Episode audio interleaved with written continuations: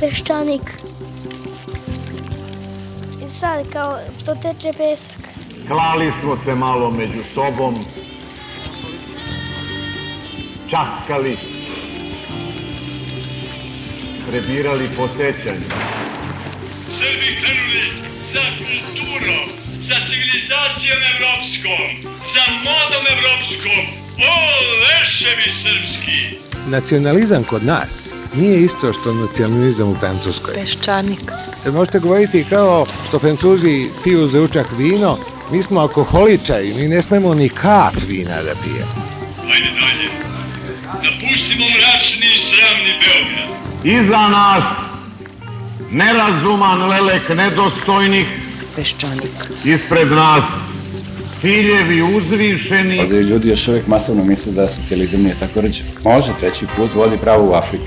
Ekonomski uvek, ako hoćemo tamo, onda smo na pravom putu. iznad nas zver koja nas vodi putevima gospodnjim.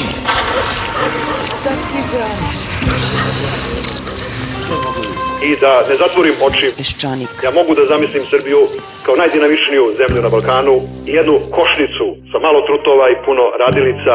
Ako ne uspemo, niko nam neće biti kriv. I dugo smo, dugo još putovali. Dakle, mi smo izgubili 5. oktobar, da tako kažem. Nepredviđeno. Na televiziji vidim da se i rezultat drugog svjetskog rata promenio. Ugleda smo u bistroj vodi naša lica Prema tome, ja očekujem da će Srbija krenuti u nešto novo tek kad pobedi Turke na Kosovo. iznenada briznu smo u plač. Peščanik.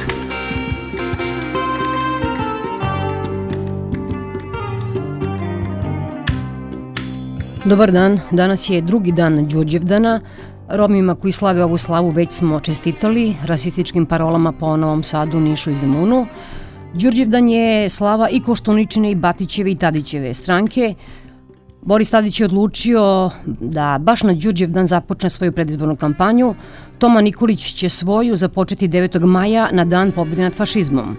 Nikolić ne zna ili je već stigao i to da nauči da se taj dan već duže vreme zove Dan Evrope. Tako smo eto dobili četnike i to sledbenike Vojvode Popa Đujića koji slave Dan sloma fašizma i demokratsku stranku, partiju koja se izdaje, do duše ponekad samo, za stranku levog centra koja bira verski praznik.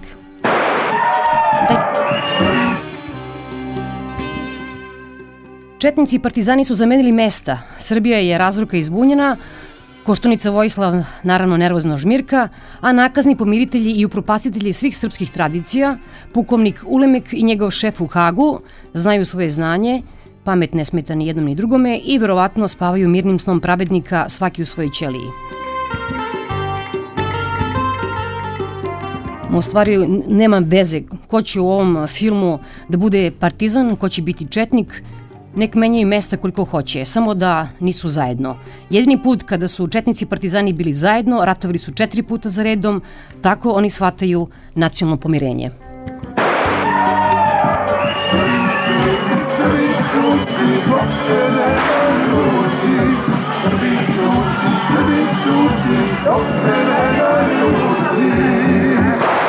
Alo su te udesili tvoji sinovi, da među narodima sediš kao ruglo ili kao užas. Hajde si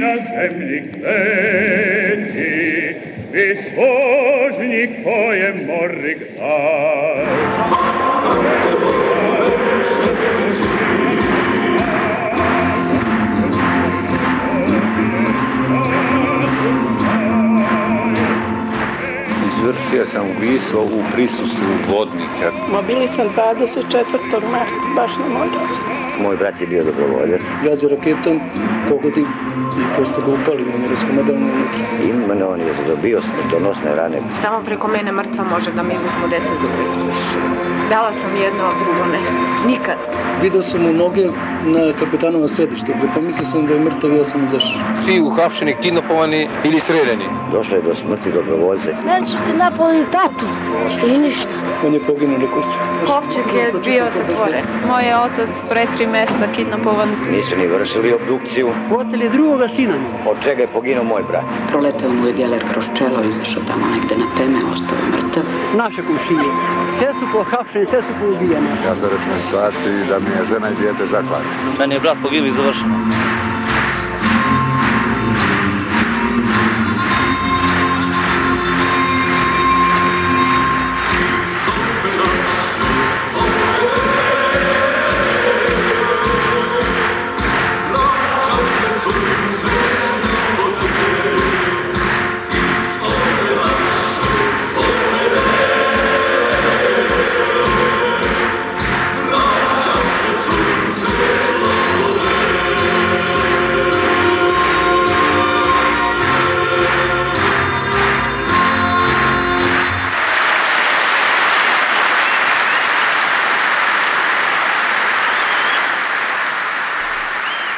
Pukovniku Ulemeku ima ko da piše, pisao mu je kolega Rade Marković.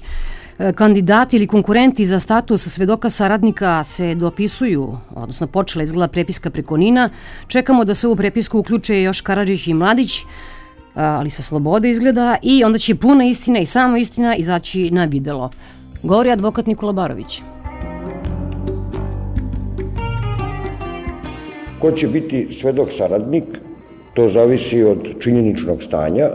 Zakon kaže da ne može biti onaj ko je šef zločinačkog udruženja i kaže da može biti onaj čije bi svedočenje bilo pretežnija korist za pravdu i utvrženje istine nego osuda toga, bez obzira na delo koje je učinio i neko može postati svedok saradnik, ta mogućnost postoji da neko postane svedok saradnik od trenutka otvaranja istrage do trenutka zatvaranja pretresa ili, kako bi se reklo narodskim jezikom, do kraja suđenja. Po zakonu svi optuženi mogu doći u tu situaciju ukoliko oni tako nešto ponude tužiocu ili tužilac njima, a veće koje o tome odlučuje to i prihvati. Tako da u zavisnosti od toga šta će Luković, Ulemek, govoriti u svojoj odbrodnji, ako je bude davao, i šta će recimo Radomir Marković, s obzirom na okolnost da je sada tu i Luković, u buduće kako će se braniti, da li će se vratiti na način odbrane koji je davao u istrazi, zavisi da li će neko od njih dvojice dobiti status svedoka saradnika, pa time pomoći da se ceo taj mehanizam kojim su oni upoznati mehanizam zla i mnoga druga krivična dela razreše. A ono što je važnije, time bi se ta mreža rasporila, time bi taj, taj ceo jedan sistem koji prepokriva Srbiju bio presečen, bio bi rasparan, ne bi više postojao ili bar ne bi postojao kao celina, on još uvek postoji kao celina i osjeća se u radu svih institucija. Jednostavno nemoguće ga je izbeći. I zato se često i ima utisak koji je ispravan da se vrši obstrukcija postupaka i ovih sudskih, krivičnih, a i mnogih drugih, da stalno nešto ne može da, da prođe, a radi se o jednoj mreži koja je, koja je mreža tajne policije. Tajna policija je zapravo jedina institucija koja je preživela jednopartijski sistem i koja je kao jedini preživeli mehanizam došla na mesto tog jednopartijskog sistema još je umeđu vremenu postala zločinačka, kriminalizovala se kroz ratove, kriminalizovala se i bukvalno, ili su kriminalci dobili legitimacije i značke tajne policije, vršila je ubistvo ne samo u ratu, nego i ova na Ibarskoj magistrali ili hapšenje pa ubistvo nekadašnjeg predsednika, pa i ubistvo premijera Đinđića. I ako bi se ta mreža otklonila, Srbija bi došla do slobode u stvari. Ona još uvek nije slobodna, ona je nesigurna zemlja, jer je ta mreža tajne policije zapravo još uvek vlasnik Srbije. Prvi koji se zatekao kao dežurni i čiji je zadatak da u cilju bezbednosti predsednika vlade Srbije prati njegovo kretanje od rezidencije do zgrade vlade, je na prvi telefonski poziv atentatorima davao koordinate i vreme prolazno, odnosno vreme kretanja premijera i time im direktno pomagao da ga, da ga sačekaju u trenutku kad ulazi u zgradu vlade i, i ubiju. I to je bio prvi koji se zatekao, nije bio neko ko je u okviru te zavereničke grupe. Što pokazuje ne samo da zanatski, nego se pokazuje da, da ti ljudi ubije, čovjek nije siguran u odnosu na njih, jer mi moramo da živimo na poverenje da, da su izvršćene temeljne promene i da su udaljeni svi oni koji su zločinački raspoloženi, a time se dovodi u pitanje i opstanak i zemlje i vlade i života predsednika vlade, pa i ostalih. U optužnici za Ivana Stambolića, za ubistvo Ivana Stambolića i za Buduse i navodi da je, da je to tražio Milošević, ali on nije kao kvalifikovan kao šef zločinačkog udruženja, iako je očigledno on bio najveći autoritet među svim tim koji su obuhvaćeni optužnicom, za one koji su obuhvaćeni optužnicom, nego mu je dat status kao da je on podstrekavao, kao da je on nagovarao, a da je, ne znam, nekakva bratija iz zvana Crvene beretke imala neki motiv svoj, valjda. I onda nerazrešenje ko su ubice Slavka Čeruje pokazuje da, da nema volje da se to razreši, jer e, to nije zaplet za e, roman Agate Kristi, ti treba Sherlock Holmes ili, ili Megre da bi se to razrešilo. To je test za upis u osnovnu školu. Ako neko kaže nekome da ode s nekog mesta koje je nekog špio, a posle toga tome se nešto dogodi, ko bi mogao da bude taj koji zna odgovor ko su ubice? Pa valjda onaj koji je sklonio ove koji prate žrtvu, on je to uradio na minut nepun ili nešto više od minuta pre nego što je Slavko Ćuruvija ubijen i očigledno je i postojala koordinacija i preko njega je išla koordinacija, taj koji je to naredio, odnosno taj kome je to naređeno da povuče. Tako da u kriminalističkom smislu to je kao kad bi pitali iz ove kriminaliste iz, iz kriminalističke službe Beograda, to je kao kad bi pitali šefa katedre za analitičku matematiku na matematičkom fakultetu koliko je 4 plus 4 i očekivali da on to ne može da razreši. On to naravno može da razreši odmah. Pitanje je da li neko hoće da, da to razreši ili neće. I za sada još uvek to neće zato nemamo odgovor na to ko je ubio Ćuruviju a i ovi odgovori u slučaju Ibarske magistrale, tako kako ide iz dva puta suđenje, kako ide iz više delova istraga oko istog događaja za različite grupe ljudi, kako se vrši selekcija ko će biti obuhvaćen optužnicom, ko neće, ili ko će biti predočen tužilaštvu kao, kao učinilac, pokazuju da su te institucije još uvek sve pod kontrolom ove zločinačke mreže.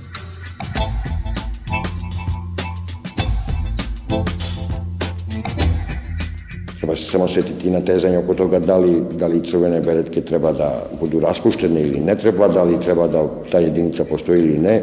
I onda na kraju kad su kad su ubile predsednika vlada, onda je jedinica raspuštena, ali su ljudi raspoređeni po drugim delovima Ministarstva unutrašnjih poslova. Zašto? Valjda da prošire zarazu. To je kao kad bi iz bolnice pustili zaražene kugom pa ih rasporedili na, na trutničko odelenje ili na odelenje za traumatologiju. Ni u koga koji je 15 godina bio u institucijama koje su vršile najteže zločine ne može se imati poverenja makar on bio nevin ko anđeo. Jer je 15 godina bio u tim institucijama, pa ako je baš nevin ko anđeo, valjda bi zbog savesti dao ostavku na dalji boravak u toj instituciji. A nisu davali masovne ostavke, jer bi inače te ostavke razrešile ovo pitanje. Tako da moraju to političari da razreše, a oni su očigledno još uvek dovoljno apolitični na tom pitanju. Njima je važnija surevnjivost između stranaka demokratskog bloka nego, nego razrešenje i pravljenje budućnosti za Srbiju. Valjda dok potpuno to ne onemoguće u svom gubljenju vremena oko toga ko će biti nešto značajniji i nerazumevanju, nerazumevanju da oni žive još uvek u neslobodnom društvu. I ekonomski, i politički, i institucionalno. Ljudi se plaše Ljudi se plaše tajne policije i dalje. Pa i političari se plaše. I oni se plaše, oni to i kažu. Stalno pričaju oko toga da su ugroženi. Pa zašto su ministri ako su stalno ugroženi? Zašto onda to ne razreše? Da je potpuno perverzno sve zajedno.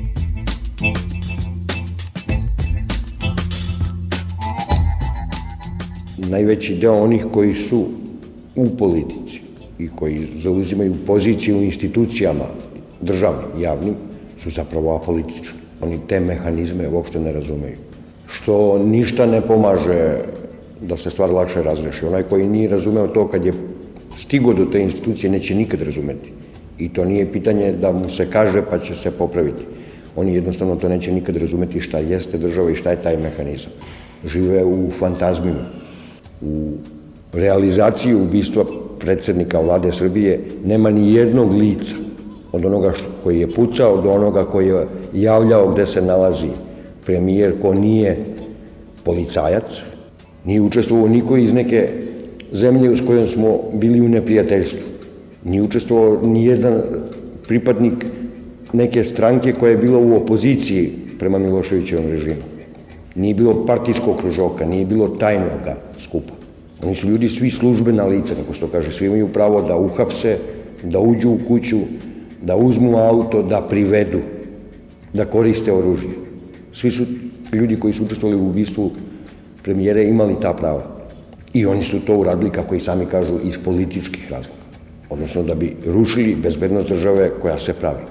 To za njih nije bezbedna država jer su oni kriminalizovani.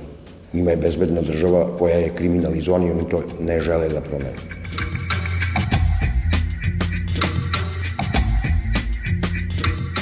Cela bija bi sad mogla da bude smenjena sasvim uspešno da se svi danas otpuste i da se zaposle studenti sa treće i četvrte godine pravnog fakulteta, ekonomskog fakulteta, astronomije, u koje se ima poverenja.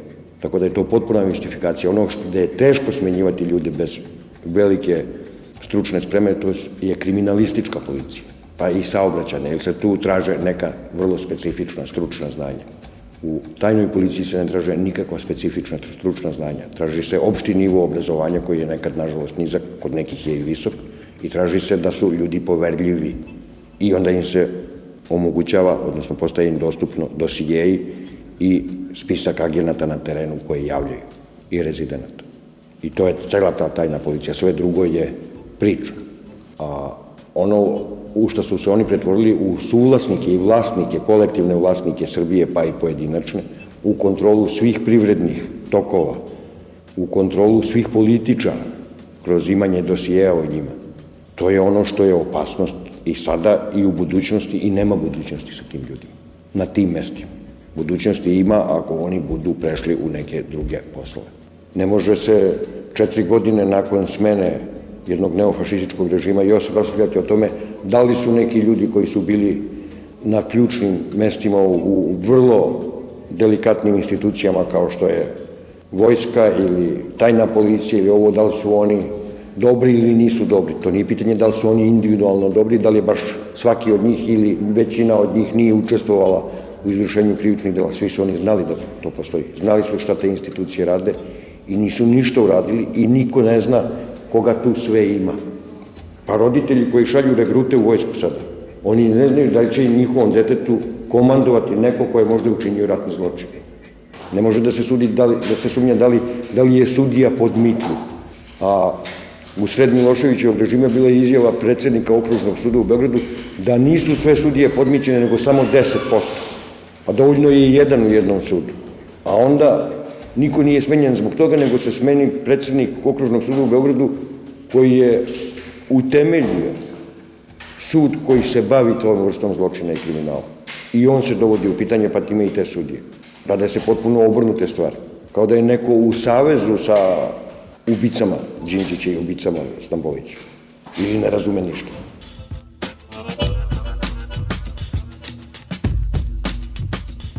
Ovde zapravo niko nije siguran za svoju budućnost.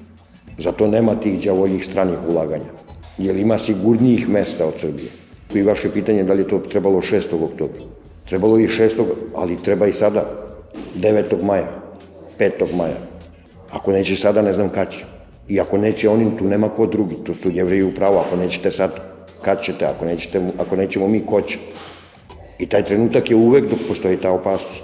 I sa ovakvim ponašanjem Srbija ne nudi ni stabilnost, ni sigurnost, ni budućnost. Nego nudi trenutno preživljavanje. I nadu da neće biti gore nego što jeste. To je sva nada da nam se ne nađe neko ko je kriminalno strukturirana ličnost, nego samo ne razume pa ćemo imati manje zločine nego što bi ih imali ako je neko kriminalno strukturiran.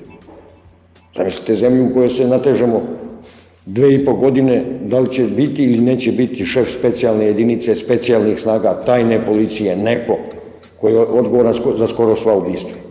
Sama ideja da se o tome razmišlja da li će ili može ili ne može, pokazuje jednu potpunu neodgovornost i jednu potpunu apolitičnost u tom smislu.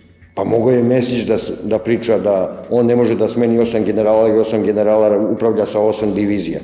Kad su se oni pobunili protiv njega što je uhopšen norac. Pa ih je čovjek za 30 minuta ukazom razrešio. Pa mogo je Juan Carlos kad su upali ona vojska u parlament Španije, mogo je da kaže ja nemam dovoljno vojnika da istera svu vojsku kojim upravljaju ti generali i pukovnici koji su upali u parlament. Pa je našao politički način i razrešio se te bede. Ali zato Španija ima i sadašnjost i budućnost i stabilnost, a Srbija još uvek nema.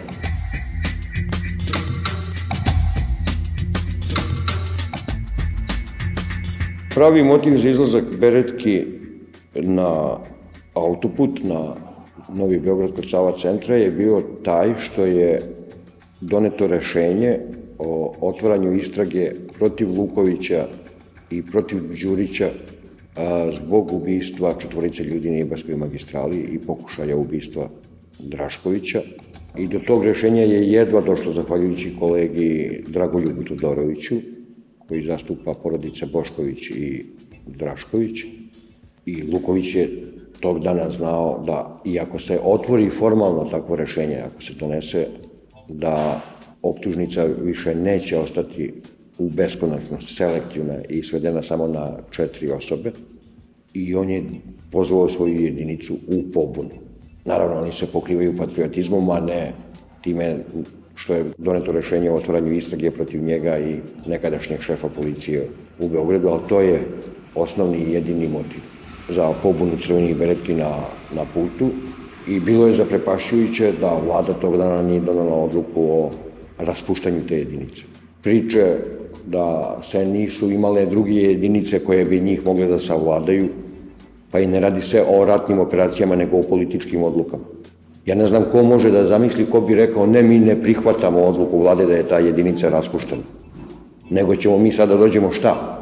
Da nateramo vladu da promeni odluku, neke druge jedinice. To se ne bi nikad dogodilo, to se ne da ni izmaštati. I tu je vlada pogrešila što tog dana, tog trenutka nije donela naredbu o raspuštanju te jedinice. I demobilisanju svih njenih pripadnika. A ne ono da li je neko dobar, a neko nije dobar u toj jedinici. Demobilisanje svih, jer su svi opasni za bezbednost, što se i pokazalo godinu i po dana posle su opasni za bezbednost svakog. I to je pitanje samo političkog mišljenja ili apolitičkog mišljenja. A o tome da se to objašnjava da je to protest kao medicinskih sestara, to je direktna podrška pobuni i direktna podrška protivljenju otvaranja istrage protiv Ulemeka Lukovića Legije zbog ubistva na Ibarskoj magistrali. Da li je to neko znao faktografski za to rešenje ili nije od tih koji su davali te izjave, to je potpuno bespredmetno. Ako se neko nalazi na čelu neke političke institucije, on je odgovoran i za neznanje. A ne znam kako je stanje u vladi bilo. To bi čovjek morao da s njima sedi da razgovara i svak bi imao svoju priču, verovatno bi to došlo do Rašomona. Ali tu čak nije ni pitanje ko je to faktički sprečio. Bitno je da se to nije sprovalo. I bitno je da smo mi u istoj situaciji kao i tog dana i nakon sad. Oni se izgleda uznaju da su ti ljudi patriote, odnosno da neće njih. Oni hoće svakog. I nisu patrioti. Ljudi su vrlo lično zainteresovani. Posle otvoranja istrage, oni naprave oružanu pobunu. Nema tu nikakvog patriotizma. Oni su patrioti koliko su patriote i mafijaške porodice po Manhattanu koje imaju podeljene teritorije, pa su vrlo patriotske nastrojene da zaštite teritoriju od druge mafijaške porodice, jer one imaju ekskluzivno pravo pljačke i rekete. To je ceo njihov patriotizam. Da je ovo teritorija na kojoj oni vladaju, na kojoj oni reketiraju, na kojoj oni odlučuju o svemu. Pa i o životu i o smrti, bez obzira gde se kod nalazi i koja. Njihov patriotizam je patriotizam mafijaških grupa koje imaju podeljene teritorije. Šta je svedok saradnik? Svedok saradnik je onaj koji priča sve o svim krivičnim delima za koje zna. Jer ako ne govori sve o svim krivičnim delima za koje zna i za koje je optužen ili za koje se vode postupci, on gubi taj status i za sve to što je rekao bit će osuđen. Ako se dovodi u pitanje da li iko više to može dobiti, onda se zapravo stavlja krpa usta svima, koja može biti i pokrov posmrtni svakom od nas. Čitajte radio na b92.net. Peščanik.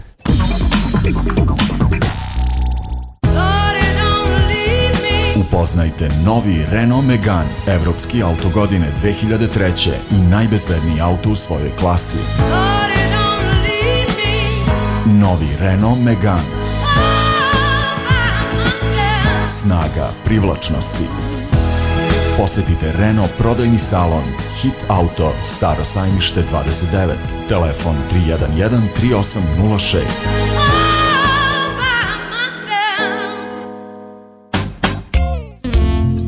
Galerija Sintelon predlaže da posetite salon podnih obloga u Cara Dušana 51 u Beogradu, jer ove nedelje je akcija drugačija. Sintelon. Telefon 3282 212.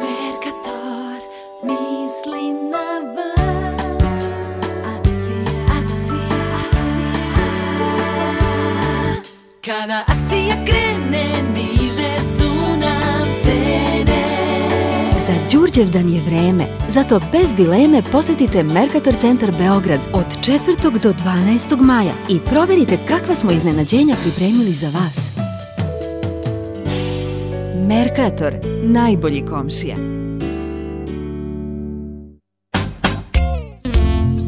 Galerija Sintelon predlaže da posetite salon podnih obloga Požeškoj 156 u Beogradu, jer ove nedelje je akcija drugačija. Sintelon. Telefon 3553 338. Zeleno odmara, opušta, osvežava i nagrađuje. U subotu uveče 8. maja Strahinjiće bana, gospodar Jovanova, kralja Petra, gospodar Jevremova, Francuska od 21 do 24 časa. Naruči Heineken i dozvoli da budeš uhvaćen. Zelene patrole obilaze grad. Svaka kupljena boca ili limenka pruža ti zadovoljstvo, ali i šansu za nagradu. Uživajte u zelenilu. To može samo Heineken. Vreme je za presvlačenje. Da vidimo, u torbu stavim četku, rezervnu šnalu, novu bižuteriju, sve moje omiljene stvari. A gde su mi naočari? Svuda, sve. Sve za proleće i leto u Eviti Peroni. Novo, Concept Shop, ispred tržnog centra Piramida, ugao Gandijeve i Jurija Gagarina. Parfimerija Beauty Palace u Palati Albanija. DM Drogerija u robnoj kući na Terazijama. I naravno, Evite Peroni u tržnom centru Millennium. Baš sam prava cica. 10 sati i 6 minuta. Zašto da vas muče kašelj, bronhitis ili zapaljenje disenih puteva? Okrenite se proverenom preparatu namenjenom i deci i odraslima. Dr. Tajs sirup bokvice protiv kašlja, delotvoren i prijetnog ukusa, samo u apotekama. Uvoznik i distributer Pharmalogist Beograd. Vesti. Radija B92. Posle rasističkih poruka u Nišu i Novom Sadu, plakati kojima se preti Romima osvanuli i u Zemunu. I treća osoba zaražena virusom HIV-a prilikom transfuzije krvi koja je isporučena iz Instituta za transfuziju krvi Srbije. Bivši ministar policije Dušan Mihajlović tvrdi da Legija nije pravio nikakav dogovor sa bilo kim iz MUPA, niti da je proteklo vreme proveo u Beogradu. UNMIK odbacio optužbe Amnesty Internationala o trgovini ženama i prostituciji na Kosovu. Vink. Patike za sprint. Cipele za šetnju. Kopačke za driblinge. Brzina. Snaga. Moć. Vink. Sport. Košarkaši Indiana Pacersa pobedili su Miami Heat 94-81 i poveli sa 1-0 u polufinalnoj seriji play-offa na istoku. TVB 92 večeras prenosi drugu utakmicu druge serije na istoku Detroit New Jersey u kojoj Pistonsi vode sa 1-0. Molim. Vreme je za tvoj Black and Decker. Da, Black and Decker. Vreme. Vremenski podaci. U 10 sati u Beogradu izmereno 13 stepeni. Lakalut Aktiv, medicinska zubna pasta, ponovo u apotekama. Sprečava paradentozu i suzbija postojeće simptome. Efekat se ispoljava posle prve upotrebe. Lakalut Aktiv, za zdrave zube i desni. Uvoznik i distributer SMC 011 142 719. Vesti. Radija B92. B92. Broj 1. Peščanik.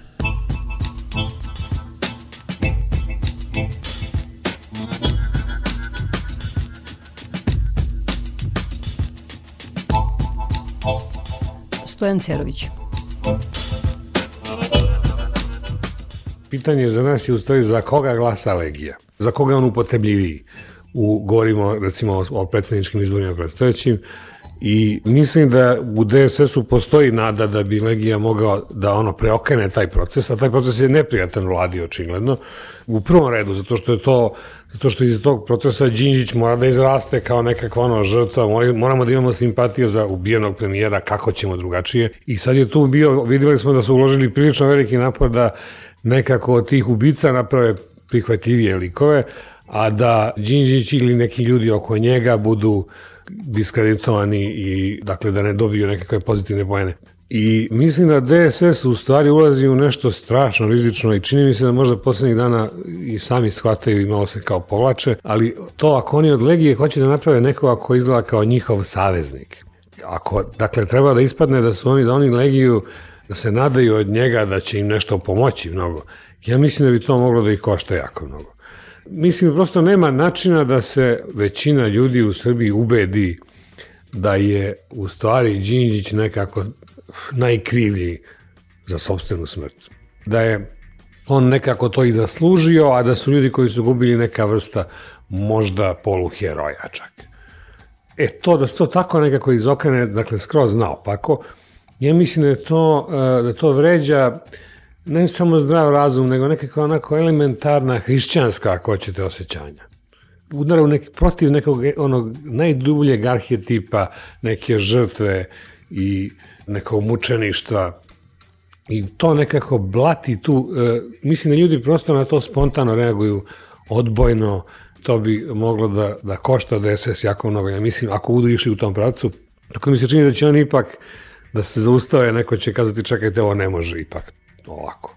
A namera je postojala, vidi se da je postojala namera prosto po mnogim izjavama, tim njihovim onako polu rehabilitujućim opisima crvenih beretki, gospodin Legija, opet se pojavio gospodin Legija kod Koštunice, ajde dobro, Duško Mihajlović nije mnogo, kako bi rekao, njegovo obrazovanje i neki kao verbalni iskaz nikad nije bio naočito impresivan, ali Koštunica je neko ko vlada jezikom nešto bolje i očekivalo bi se da malo Tako da, eto, i za njega je to gospodin Legije bio.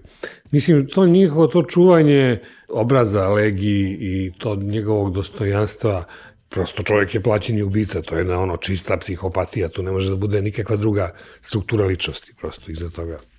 Poslednja teorija o tome što, zašto se on predao, koju sam čuo, mi izgleda da stoji najlogičnije, a čovjek mi koji mi je rekao je, trebalo bi da je upućen do nekle u te stvari. On kaže da se on u stvari sklonio u zatvor, da je on dok je bežao nastavio bio da se bavi tim svojim e, drogama, heroinima, ne znam čime sve i da je onda su počeli da ga traže neki ljudi koji bi se prema njemu odnosili nešto drugačije nego naša policija, ne bi on za njih bio gospodin Legija, nego bi skratili tu proceduru sa njim, tako da i on u stvari se spasao. A to što će on da ispriča na sudu, to neće imati veze s mozgom.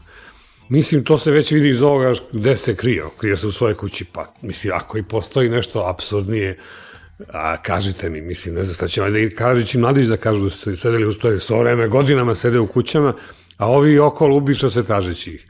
E sad, ako tako bude opisivao i te, te zločine, a sva je prilika da će to tako da ide, mi ćemo se nagledati teatra absurda. To će biti ono Žari, Ionesco, Beckett, nešto tako da biramo. Eto.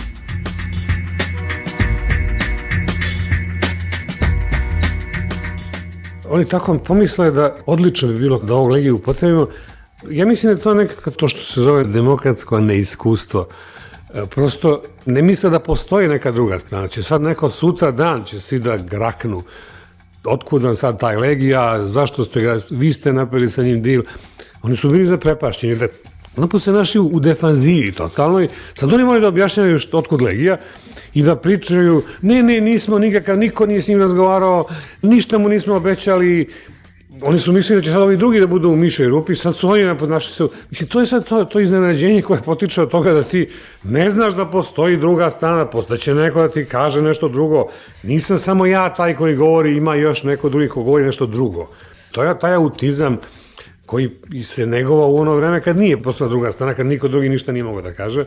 To je užasno infantilno. Ne vide, oni su, oni se iznenade kad čuju sad, svi ovi mediji koji su čak izgledali da su nama naklonjeni ti mediji, jedan put kažu, a mediji naravno da reaguju na to, njima je zgodno svaku priču da iskoriste, prosto kad god neko nešto krupno kaže, oni su tu i to rade sa, na, sa svim stranama i sad se oni tako iznenade svaki put iz početka, kako, kako sad Nije nam prošlo ovo. Praktično, od kad postavi ta vlada, oni su tako zalete se u nešto, pa onda dobiju neke tako jake, ovaj kao Stojković, ne znam ko je prvo, Stojković rekao da će da ukinete specijalne sudove, onda su svi skočili, otkud sad, kakva ti je to ideja, kako možda ukidaš specijalne sudove, pa to je za organizovani kriminal, ratne zločine, kako misliš, on je nešto promuljava da će, svaki sudija treba da može to da sudi, to je onako kao, bilo bi odlično kad bi, kad bi moglo, samo što ne može, kao što svi znamo, pa onda on to povukao, pa sad onda, onda ide ono plan B. Kao sad ćemo, dobro, nećemo to da kažemo više, nego ćemo da te sudije posmenjemo u mraku, onako, pa da se to u faktički i dogodi to što smo hteli, ali da ne bude tako na sav glas. Pa tako i sa prosvetnom reformom, pa tako sa, ne znam, ministar policije s tim ukidanjem, tim vraćanjem istrage na početak. Pono, aj sad da ponovo istražimo to, to nije dobro, to oko Đinjićevog ubista. A i onda sad Labus koji je malo sad pribrani i kaže pa čekajte, to je medveđa usluga vladi, on razume naravno da sad vlada ili pravna država u koju legija ima toliko poverenja, to baš i nije nešto na što pohvalno. Mislim, čovjek je po opštem mišljenju ono zlikovac broj jedan u državi I sad ako vam takav čovjek kaže, pa ja baš mi se sviđa vaš pravni poredak, ima mnogo poverenja da ćete vi meni, da ćete vi shvatiti moje jeli, motive i postupke i da će vaše sudstvo sigurno pravilno proceniti da sam ja u stvari jedan rodoljub ili šta god to bilo, jeli? Mislim, kakav je to kompliment za tu državu? Tako da, e, to je stvarno malo, ono, slučaj postaje komičan.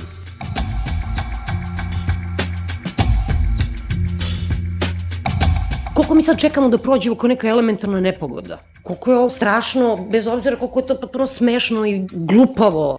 A imam utisak da smo malo onako zaboravili na tu opasnost u stvari. Moje antene mi kažu da je to malo izdušilo, ali ja sam isto osjećao neku grozničavost. Kao da se je u pitanju ono kako će sad izgledati naša slika sveta.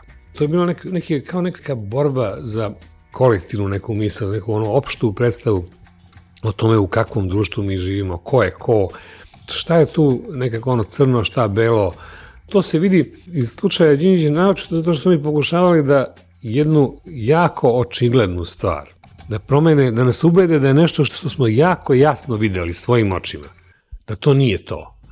Recimo, ne znam, ono što je Tijanić pisao u Ninu mesecima, ti vidiš jako strasan i onako agresivan napor da promeni predstavu o, o svemu praktično, da ono, ubede ljude da, da ono što vide svojim očima nije to, nego nešto drugo to je zastrašujuće, to malo onako izaziva nekakav efekat onako kao da polako ludiš, kao da se nešto, nešto ti se u glavi događa, sobstvenoj.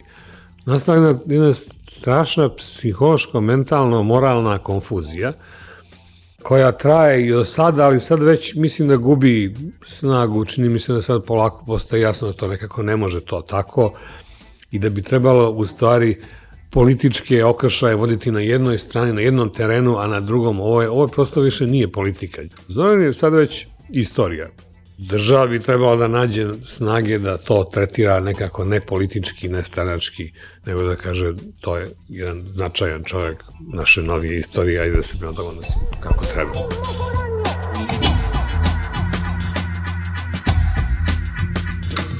I mislim da Boris Tadić možda nije dovoljno stanački čovek. Ako setimo, Zoran je bio, imao je veliki organizacioni dar, taj, on je bio onaj menadžer te stranke. Ja mislim da on u stvari praktično napravio tu stranku, onako lično, sam, u najvećoj meri, i da je to najveći organizacioni poduhvat bio od, od ono poslednjeg rata, onog tamo drugog svetskog. I taj dar nema niko više. Možda je to njegov najveći dar bio zapravo, to, jer je kod nas dosta redak u ovom delu sveta. Prosto je malo, nema ljudi koji umeju tako da misle na taj način i da deluju tako, a da istovremeno nisu nekakvi, ne znam, manipulanti poslovni, ne znam, pokvarenjaci. Oni prosto imaju i političku neku viziju i ambiciju i umeo je da, da se ponaša kao jedan ono, šef jedne velike kompanije. To je zapravo kao jedno ogromno preduzeće. E sad Boris Tadić misli da to možda nema i to je loše, tako da mislim da si u pravu da tu nešto škripi u stoji u demokratskoj stranci, ali ajde da vidimo da im damo još šanse. Mislim, oni, oni jesu nešto naša najbolja šansa. Ne znam, ne znam, sačekamo ove predsedničke izbore. Ja mislim da Boris ima u stvari pravu šansu na ovim predsedničkim izborima. Ja mislim da bi on stvarno trebalo da pobedi i da ima priliku da pobedi, da bi samo trebalo da se da, ako može da nekako nametne izbornu dilemu tako da, mu, da njemu odgovara, a ona bi glasila ovako. Ja sam jedini pravi predstavnik post petoktobarske Srbije. I to je tačno u stvari. Ako je sad nekakav, ako svi pričamo o tome da je, ne znam, Tomislav Nikolić ozbiljan kandidat, onda je to pre 5. oktobarska Srbija. Onda je to vraćanje na nešto što smo već videli. Mislim, radikali se ništa nisu bitno promenili, kao što znamo, i on jeste predstavnik te Srbije i ajde da se prisetimo kako je to izgledalo. I ja sam ubeđen da, da veći broj ljudi u ovoj zemlji je protiv toga, odnosno da su ono, svi oni koji su glasali onda u septembru 2000. godine protiv Slobodana Miloševića, da niko od njih neće glasati sad za nešto tako ili vrlo malo, zanemarljiv broj. Prosto, koliko god se ljudi možda razočaravali u, ne znam, nove vlasti, teško da se ko od njih prisetio da nakladno bude očaran onim prethodnim. Mislim da je to njegova prava šansa. Da on, ono, moralo bi da, moralo bi da može da se predstavi tako. Ali onda mora da se jasno konfrontira sa tim. On možda nije dovoljno spreman da se da se konfrontira oštro sa onim sa čim mora da se konfrontira. A to su u ovom slučaju radikali u najmanju ruku taj deo Srbije, s tim on ne treba da računa, ne treba da im se obraća, ne treba da misli da može da dobije bilo kakve glasove od te strane. Treba da radi na, ono, na glasovima na koje može i treba da računa. A to je, ja mislim, većina u stvari.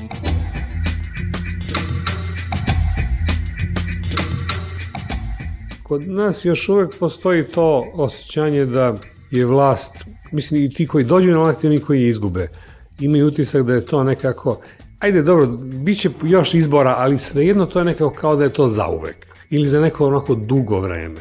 To osjećanje da će biti još mnogo izbora od sad pa do kraja vremena, to nas nije još dovoljno uhvatilo. Tako oni koji dođu kažu, e pa sad ćemo mi da ono, sad ćemo da sve iz početka.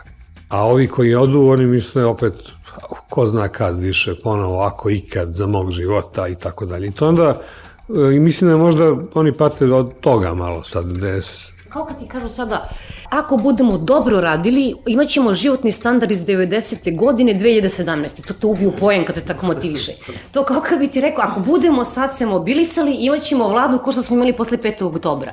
Tu, I tu mi nedostaje opet Đinđić koji je umeo to da, da dozira na pametan način taj, taj elan i uvek da smisli uvek neki način da motiviše, da onako izgleda kao da tu još može mnogo toga dobrog da se dogodi i onda ono ljudi poveruju. A mislim da je to za političara u stvari možda ključna osobina, to da, da emituje energiju. To je neko ko ono na prvoj liniji, ko treba da modelira, ko treba da izgleda kao neki uzor za sve druge.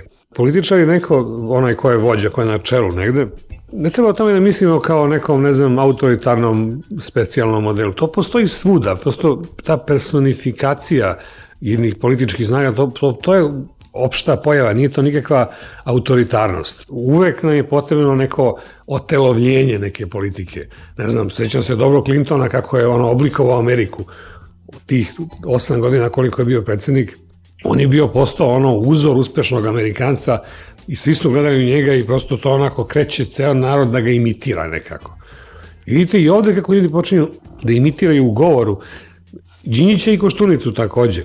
I jedni i drugi, ne samo oni koji su im blizu, nego obični ljudi često tako počnu da ono što je Đinjić imao kao uzrečicu, ono znači Koštunica ima isto tako nekoliko tih koji ljudi, ono, to se pojavilo u jeziku nešto što su oni govorili. I mislim da je Zoran bio u tome perfektan, što je tako bio pokretan, imao taj neki optimizam, nešto je tako, stalno je govorio o tome da kako to se može da se...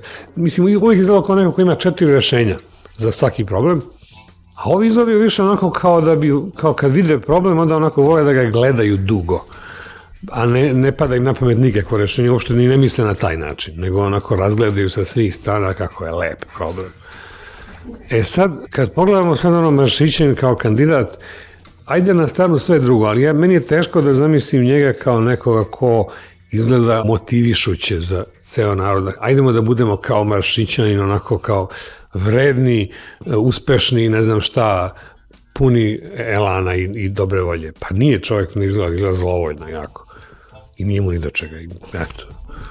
To je loše, prosto izgleda depresija. Kandidat Karić kod e, kućnog domaćina Velje Ilića ispije, ispije rakicu prepečenicu koju je lično spravio vladika Tanasije.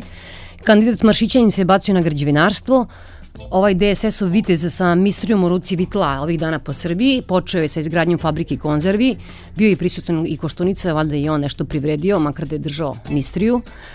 Uh, u, ostalom, stavno se pitam, kad je Koštunica u pitanju, onako ko Jov, šta taj čovjek hoće od nas, kakvu Srbiju taj čovjek hoće i kakvu Srbiju on sanja i pre svega kakvu izgleda njegov poželjni podanik. Ko traži taj nađe, preturujući po starim kasetama Naišli smo na Milančeta, a nije zanimarljivo ništa je Milanče iz srca Šumadije. Ja pronalazim razne mehanizme gde su da budem isključen iz ovoga. Ja recimo pešačim prosečno šest puta nedeljno pešačim po 30 km, to je negde godišnje, negde oko 8000 km. Ja sam za 4 godine prešao 32.000, preko 32.000, jer do 30.000 sam brojio, posle ne brojim više. A kako se pešačite, imate neki cilj ili? Pazite, ja cilj nemam, ne, meni je jedini cilj da ja ostanem zdrav i drugo, to je jedno, drugo. Ja znam da je teška ova situacija, mislim, ekonomska, društvena i tako. E sad čovjek koji nema tu fizičku, ne osjeća tu fizičku snagu, ne može da da pre, savlada te prepreke, te u stvari duševne prepreke. Međutim, ja sam pun snage, zadovoljan sam. Jer, zašto sam zadovoljan? Ja, ja gledam šta drugi radim, koji su drugi mnogo imućniji od mene. Ja spadam u kategoriju, mislim, siromaštva, ali imaš ti, imate ljudi koji su mnogo bogatiji, ali nisu zadovoljni, propali, zdravstveno propali. Znači, ne, ne živim nešto raskošno, ako imam, imam, nemam, ne mora ni da imam. Sad je ova situacija, niti imaš autobus, druga autobus je skupi, ja peška idem. Ja na, na primjer 65 km za 11 sati mogu da prećem. 6 km recimo da idem prosjek na sat. E sad ću da idem u Ljig, 6. maja, idem na slavu neku, možda ću preći 70 km. Ja sam predvidio ovo, da će da bude ovo, ovo stanje. Pa sam prema svojim mogućnostima zauzeo ono što sam smatrao da će da dođe. Da moram da živim što jednostavnije. Pa ja sam, pazite jednu stvar, ja sam čak, ja i moja supruga, ja sam gladovao 45 dana, supruga je gladovala 30 dana. Teško je prvi šest dana. Pa kad sam došao na šesti dan, ja vidim nisam gladan. I onda sam se pobojao, rekao da nisam bolestan. Pogledam se ogledalo, ne propadam. Nisam izgubio snagu. Međutim, 42 dana bilo mnogo, pogledao sam se u ogledalo, malaksao sam. Drugo, mene treba ni faktični ni krevet, ću spavam na daskama, na patoksu, ali tu mora mnogo vremena da prođe da bi čovjek naviknuo to. Međutim, ja mogu da spavam, mene poturete i cepalnice, ja mogu da spavam i na cepalnici, ali ja sam naviknuo. 42 dana sam gladovo. Znači ja mogu, a onaj ne može ni jedan dan. Pa ja imam prednost tu nad njim. Za 42 dana ja ću da, ja ću, pazite, ja garantujem te sigurno ću dodem da negde u neku zemlju pa duzem da koru crnog leba, ovaj ne može. Ovaj propo. Znači ja, gospođo, moram da budem zadovoljan što sam takav. E sad, kad bi mi neko dao para mnogo, ne bi ni prihvatio. Jer pazi, ja sad kad bi našao negde, na primjer, 100.000 maraka, ne bi ja uzao. Zašto? Ja kad bi dono ti 100.000 maraka u moju kući, to kod da bi pala bomba. Ja mislim da bi se moja familija i ja uključili, pa bi se izboli noževima i na kraju to bi drugo, neku, neki drugi uzeti 100.000. Prema tome ja sam navikao na ovaj život da životarim ovako, pa ako mi društvo nešto mal da, ja prihvatim, ako ne da, Pazite, ja nisam za ovo što se sad dešava. Međutim, ja ne mogu da menjam. Ja moram ili da se saživim, da bežim od toga, ne mogu. Ja mogu da pobegnem pet dana, ali opet moram da se vratim u svijet. Taj. Imate ljudi, beže, pa gde bežiš? On nema gde da beži. kaže ja ću da preživim. Mene nije cilj da preživim. Ja hoću da živim. Ja imam 30, 32, 35 godina. Ja hoću da radim. Ti da tražiš, da tražiš neki bolji život, nema za tebe, nego sama korak samo. Ne dozvoljavaju mi da radim. Dobro, koliko ima staža ti pa kad si radio? Ja imam 15 godina radnog staža, počeo sam da radim sa 18 godina. Ti sad si na radio, kako možeš se na radio? A, ma, nisam se ja na radio, ja hoću i dalje da radim, ali mi ne dozvoljavaju da... Ne dozvoljavaju mi da radim. Pazi, mi pričamo o radu, ali imamo šta da radimo. Ajde da postavimo pitanje šta da radimo. Da nađemo posao da radimo. Ajde, evo, opozicija je dobila ovde, ajde da postavljamo plan da vidimo šta da radimo. Kopamo kanale. Ajde, koji kanale? Gde imaš kanale? Ajde, organizovat se kopa. Ajde, što ne organizuje? Na Prohinom grobu. Peščanik, repriza subotom od 16 do 17. Nov automobil za samo 5900 eura sa carinom. Iz Dacia Grupe Renault Solenca. Solenca. Renault Motor Renault Menjač. Integra Motors. Na starom sajmištu 29, telefon 214 5151. Galerija Sintelon predlaže da posetite salon podnih obloga u Marijane Gregoran 58 u Beogradu, jer Ove nedelje je akcija drugačija. Sintelon. Telefon 771 703. Jel volite brzu vožnju? Lloyd Karting Bar ispod Mostarske petlje. Informacije i rezervacije 3620 ili 065 2535 963. Floyd, karting geniozno. Da li želiš da te svi vide? Pozovi.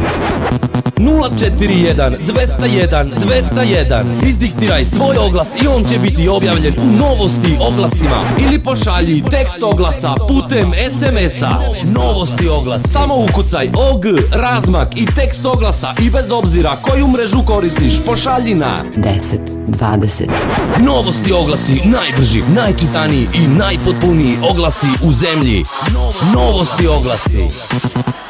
Studio, da li se čujem?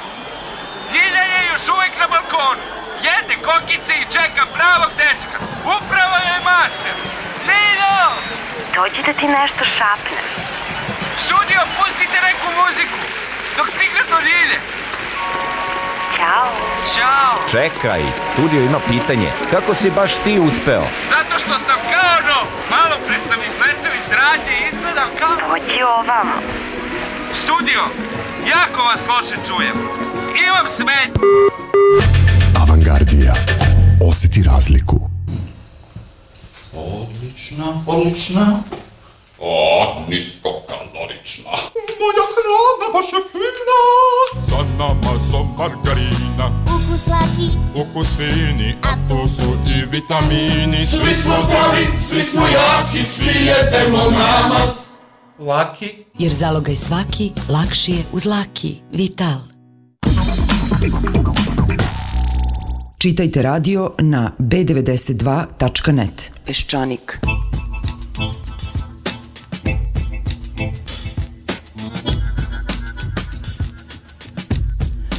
Profesor Vojin Dimitrijević.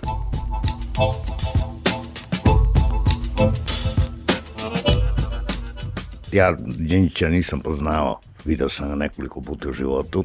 Verovatno je to čovjek koji toliko demonije, no, bio pametan u svakom mogućem praktičnom smislu i bio vrlo brz u razmišljanju. Tako da oni koji su pored njega bili liče na one junake iz filmove koje stalno neki prepredeniji čovek prevari povuče za nos i onda se oni sekiraju. Međutim, to što neko mrzi lično Đinđića, To je jedna stvar, ali druga je stvar što se preko mržnje prema Đinđiću mrzi sve ono što je Đinđić zasluženo ili ne ili nezasluženo oličavo. Znači, oličavo je neki raskid sa nekim tradicionalnim sporim mišljenjem, odličavo je želju da se ovde uspostavi što da ne kažem kapitalizam, oličavo je želju da Srbija uđe u Evropu u pravom intelektualnom smislu, oličavo je želju da postanemo zemaljska Srbija i da prestanemo da gacamo po prošlosti i da izmišljamo prošlost u koju ćemo se uplitati.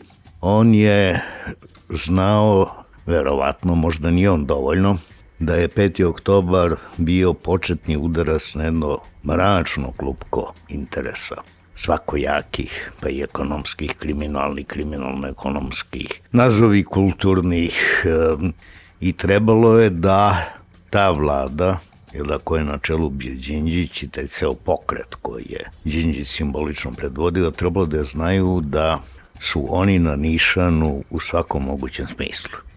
E sad tu je došlo do onog tipično u našoj političkoj tradiciji opuštanja jel da da se malo kraducne na moj prijatelj malo kraducne da dođe do nekoga koliko puta sam ja viđao te ljude iz kruga te vlade koji su na mene gledali, gledali kao na potpuno naivčinu što kažem da to ne bi trebalo da se radi misleći da su moji razlozi čisto moralne prirode. I naravno na toj, na jednoj kampanji gde je na kraju došlo dotle da je biti sitan lopov mnogo gore nego biti ubica i tu je stvorena jedna, kako bi rekao, kult ili kako bi rekao ministar Jočić, pijetet, oni imaju pijetet, jeli, koji je sada za, na, za mene najveće naše intelektualno zlo. Mislim da ono što treba da se gleda, to su simptomi.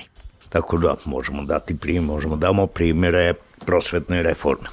Vidite da je to jedna erupcija e, reakcionarnosti koja nije zasnovana samo na toj reakciji na prethodnu vladu, nego sad počinjemo se odričamo i Dostoja Obradovića.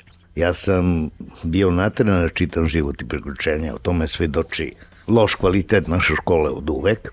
Međutim, to je jedno vrlo zanimljivo štivo i tamo sam pročitao da još 1782. znači pre Francuske revolucije, Dosite Obradović je kao učitelj stranih jezika putovo kroz Francuski do dopre do Veliku Britaniju i kaže on kad prolazi tamo negde pored Strasbura, kaže ovde ima dobrog vina šampanjskoga i nije skup.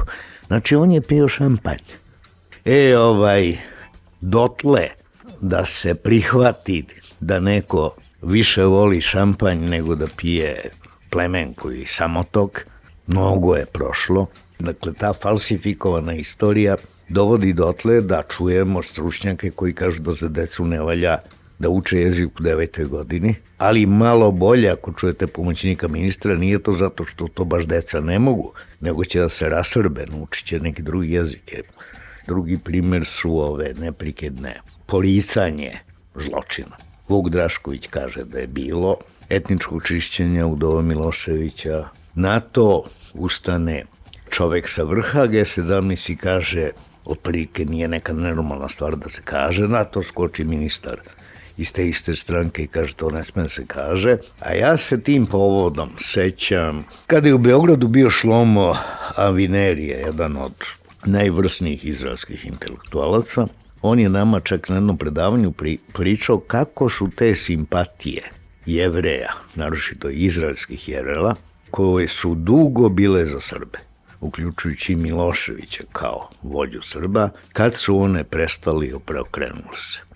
Sve je to trajalo, kaže, do 1999. godine, kada slika o Srbina se nadno menja i Srbi počinju da stavljaju Albance u vagone, da ih negde šalju, pa nisu ti vagoni sami od sebe došli. E kaže, onda su počeli to da liči na transporte za Auschwitz i raspoloženje se odma preokrenulo. I sad umesto da priznamo to da je to tako neko zamislio idiotski i da priznamo da je ta ideja o etničkom čišćenju bila zapravo sasvim legitimizovana kao ideja o delimično etničkom čišćenju, znači o odvađivanju, da tako kažem, izvesnog broja Albanaca. Je stvar je počela još 1989. kada su profesor univerziteta razni rodoljubi utvrdili da se u, na Kosovu uselilo 300.000 ilegalnih Albanaca, da oni nemaju državljanstvo i na jednom ispitivanju javnog mnjenja je rečeno da njih sve treba basiti preko populacije. Onda je pravljena čak u doba Slobodana Miloševića analiza u statističkom zavodu ispostavilo se da ih nema 300.000, nego da ih ima jedva 3.000 i s tim se učutalo. sad se opet pojavilo. I to je bilo i to ne znači priznanje da se to dešavalo, ne znači nikakvo umiranje sa etničkim čišć, pokušajem etničkog čišćenja sada, 17. marta. Ali onda, znate, onda počne tu da pre, preovlada čudna iracionalnost. Neki put čovjek ne može da razume. Pustit ćemo Crnu Goru da ode bez protesta. Rodoljubive stranke se angažuju za ocepljenje Crne Gore. U Crnoj Gori ima koliko? 600.000 stanovnika. Od tih 600.000 stanovnika, čak i po priznanju crnogorski separatista Miška Vujevića, ima 55% koji se osjećaju Srbi. Znači, to je oko 250.000 ljudi. Ti 250.000 ljudi ćemo da isteramo, ostavit ćemo kulturne spomenike poput grada Kotora, koji su valjda isto srpski, ako smo Srbijeli. To ništa. E, okrenemo se Kosovu. Na Kosovu kad se sve sabere, Srba koji su ostalo tamo i Srba koji su se pobegli privremeno ili stalno, ima oko, isto oko 250.000 ljudi. E sad, zbog tih 250.000 ljudi nismo skloni da napravimo nikakvo sklonost pokažemo ka nekom racionalnom rešenju, već ćemo da otvoreno smo spremni da tražimo da pod okupacijom permanentnom držimo 2 miliona albanaca koji to neće. Garantujem vam da se, će se naći vrlo malo ljudi koji će dokazivati da je to netačno nego ću biti napadnom ili neko ko slično to kaže, znači to bliže političkoj sferi, kako sam to smeo da kažem? Kako sam to smeo da kažem? I to je ovo što se Vuku Draškoviću desilo. I drugo, ako gledate ove svađonice, ove, recimo, ne možete vi da debatuje s nekim ako ne priznajete neke osnovne premise. Ali mi ovde imamo debate gde se osnovne premise ne priznaju. Ne priznaju se Božje zapovesti ajde ove revidirane, kao što je preljuba i tako dalje, mada je Hristos pooštrio to. Nego ne ubi. To moramo dokazivati da ne ubi ne važi univerzalno, da važi samo u izuzetnim prilikama. Kod nas je došlo dotle da ne kao ranije ne, da važi samo Srbin Srbina da ne ubije, nego može Srbin lošeg Srbina da ubije, kao što je ovaj Bajatović rekao, jeli, za, za Đinđića. Tako da kako sada iće u debatu sa ljudima koji ne priznaju Božje zapovesti, a tvrdi da su hrišćani?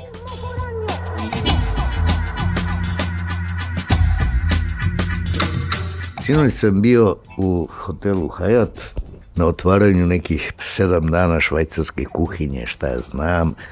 Većinu gostija, koji je to hotel Hayat, gostija koji visoko stoje u biznisu ne poznajemo. Onda je posle toga čak bila neka velika priredba za neku kozmetičku kuću. I tu je štizao neki neviđen svet u besnim automobilima, jednoobrazne lepe žene koje idu u onda sam ja mislio, njih se to sve savršeno ne tiče.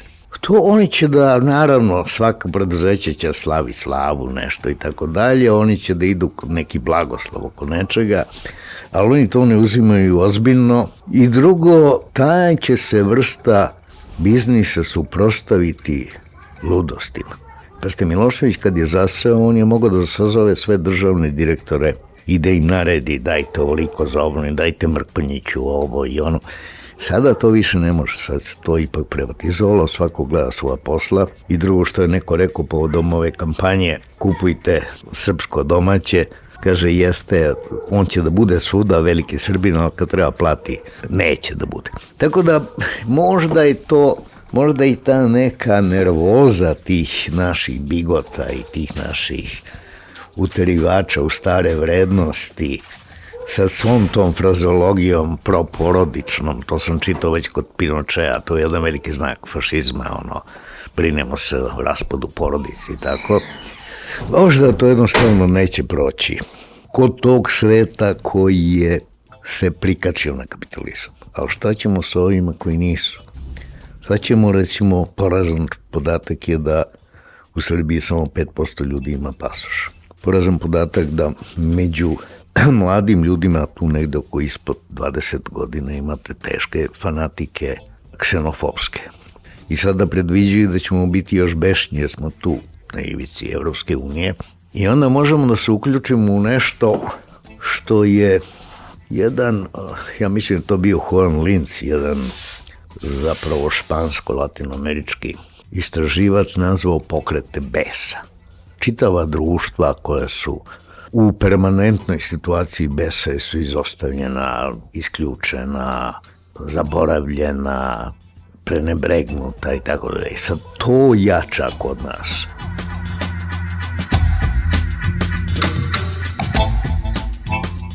Ne znam, može nam se desiti da se zabrani nastava biologije i Darwinova teorija da se zabrani. Jer? Ako ćemo sada da opet sastavimo crku i državu, posle toga ćemo logično, to se vidi, zabranit ćemo abortus, ili tako? I ako zabranimo abortus, onda treba zabranimo ženama pravo glasa, jer smo komunisti dali. Onda treba da dozvolimo nošenje zara i veređe, feređe, i to su komunisti zabranili. I onda treba da razgradimo sve to što je stiglo, i da se vratimo u neku idealnu prošlost, a vidimo po naporima ovih naših mlađih istoričara da ta idealna prošlost nikad nije postojala. Evo sad sve načinje na šta je ličilo ubistvo kraja Aleksandra Kalice Drage. I uh, Dubravka Stojanović demistificira taj period 903. i tako dalje. Ja ne znam tu, ja ne mogu da prosledim ko, koga tu impresionira, jer to uglavnom nose prilično nedoučeni ljudi. Oni nisu čak pravi konzervativci. Jel, kod nas sem vladika nema ni jednog teologa sem Jerotića od formata. Tako da ima neka mržnja prema normalno ljudskom, uključujući mržnja prema nekom životu kao lepoj stvari, što je kombinovano sa nedostatkom smisla za humor. To je katastrofalno što se opet vraća Taki su bili ovi socijališki političari, nikad se nisu našalili od straha da ih neki ceka pogrešno ne razume, ali ovo je prosto deo prirode. Tako da je neko rekao da zapravo sada je stvorena opet atmosfera negde 1986-87. da to sve uradimo što smo tada namislili, uključujući da ponovo usvojimo delove Hrvatske i tako dalje, ali bez rata. To naravno teško da ide, i prosto se misli da je to nekako moguće i da je to ono što političari smeju da kažu. Čak ima oni koji prete oružjem. Zaboravlja su da ako smo prestali da se plašimo od međunarodne zajednice, to ne znači da je treba idealizovati. Big Boys su se lepo dogovorili da, da mi sada budemo bezopasni. Mi više nemamo oružja ni za kakvo osvajanje. Mi, što je najgore, ne možemo ni veliku štetu da napravimo. I zato postoji opasnost da nas stavu u crnu rupu zajedno sa Zapadnim Balkanom iz koga se svi vade, pa ste pojam Zapadnog Balkana sve manje država obuhvata. Tako da ćemo mi ostati sami u tom užasnom uverenju da smo mi branioci civilizacije s jedne i s druge strane. Jer hrvatska glupost je da su oni branioci hrišćanstva, ali od istoka. Ako čitate naše polufašiste, mi smo branioci i od Nemačke i od Turaka. Prema tome jedina Evropa smo mi. Tako da možda bi bilo ono što je rekao Mileta Prodanović, ako je tačno da on to rekao, da je možda krajnje vreme da Srbiji na čelu sa svojim episkopima konačno prihvate hrišćanstvo.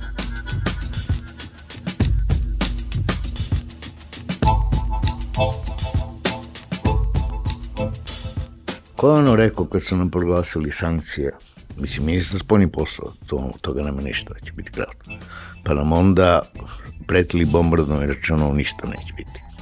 Mi imamo jednu predstavu o svetu da se u inostranstvu dešava samo ono što je u vezi s nama i da svi misle na što je deo paranoje. Jer paranoja, pola paranoja je da ti rade u glavi, a pola paranoja da si strašno važan. E, jer mi smo uguglali ovde da stvari ne idu pravedno. Međutim, kad ne idu pravedno stvari po nas u međunarodnoj zajednici, onda smo zapanjeni kako su oni pokvareni. Pazite, samo izraz moćnik. Svetski moćnik, on je kriv što je moćan. A da smo mi moćni, a kako bi to bilo? Drugo, evo, to sam nedavno e, rekao jednom američkom obožavaocu kosovskih albanaca koji se sada razočarao, bi trebalo shvati jednu istinu da je ovde kod nas najviše zla čini onaj koji je bio trenutno najjači. I tamo sad su Albanci jači, pa rade to isto. Prema tome, iluzija da postoje neke genetski bolje nacije, neke grupe tako su pogrešne i prosto treba naći mere da to zlo što postoji nagomilano valjda u tradiciji i istorijskom iskustvu, da se ono sputava, a ne da pokušavamo da tvrdimo da smo drugčiji i bolji od drugih.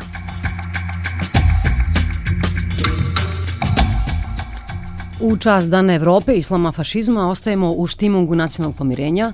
Evo još jednom onog košmarnog pokušaja s početka 90-ih. Sarajevo je još uvijek pod opsadom, a negdje na Dedinju se mire Isidora Bjelica, Simonida Stanković i Kosta Bunuševac.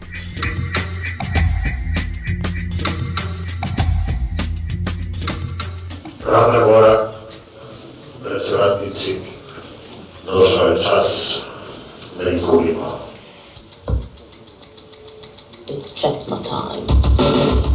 Četnici, Ljotićevci i komunisti nadrealisti.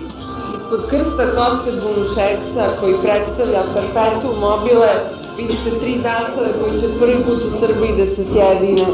Draža, Dimitri, Kuča, Draža, Dmitri, Kuča. Where are you? With whom? It's Četno time.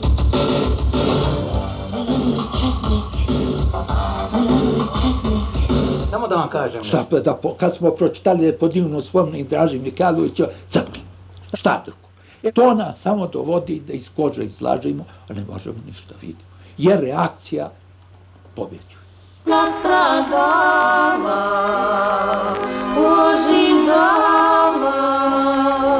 я ждала тебя, звала тебя. Только Стюшка пропадала, след знакомый затерялся вдалеке. Je u ofanzivi.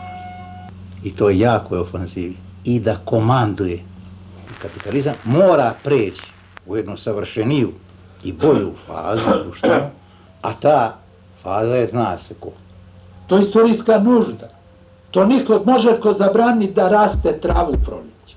Može niko. I da cvetaju šljive i jabuke. Niko. Niko komunizmu ne treba. A kad će biti, to je drugo pitanje. Ja nisam čula. A kad će, A kad će biti, to je drugo Može li se uništiti materiju? Materija je neuništiva. To je istorijski proces. Tu nema šta da zaustavi. Kočnicu da, ali voz ide. Voz komunizma ide i doći će. Da li ćete misliti da ga vidite da, da doživite to? Ne, ne bih rekao.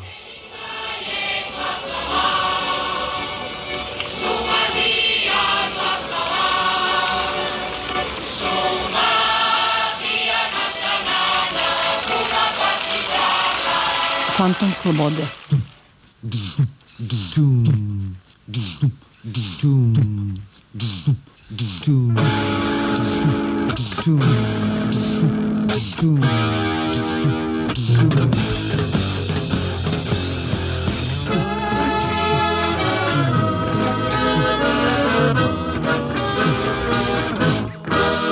Una mattina mi sono svegliato bella ciao, bella ciao, bella ciao, ciao, ciao, una mattina mi son svegliato e ho trovato l'invasor.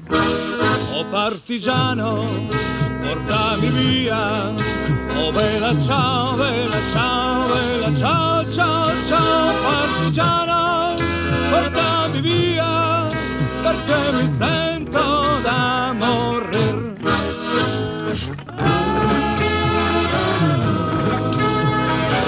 slobode.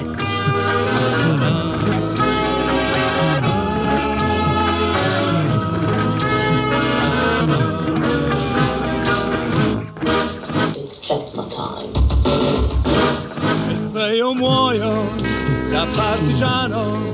Oh bella ciao, bella ciao, bella ciao, ciao, ciao E Esejo moją za partigianą Tu mi daj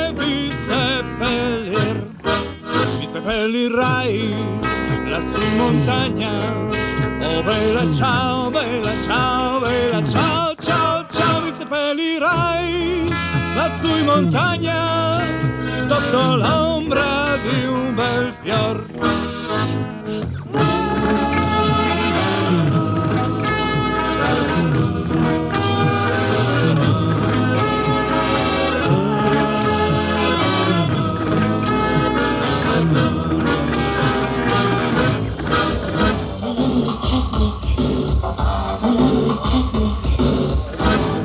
Quelli che passeranno.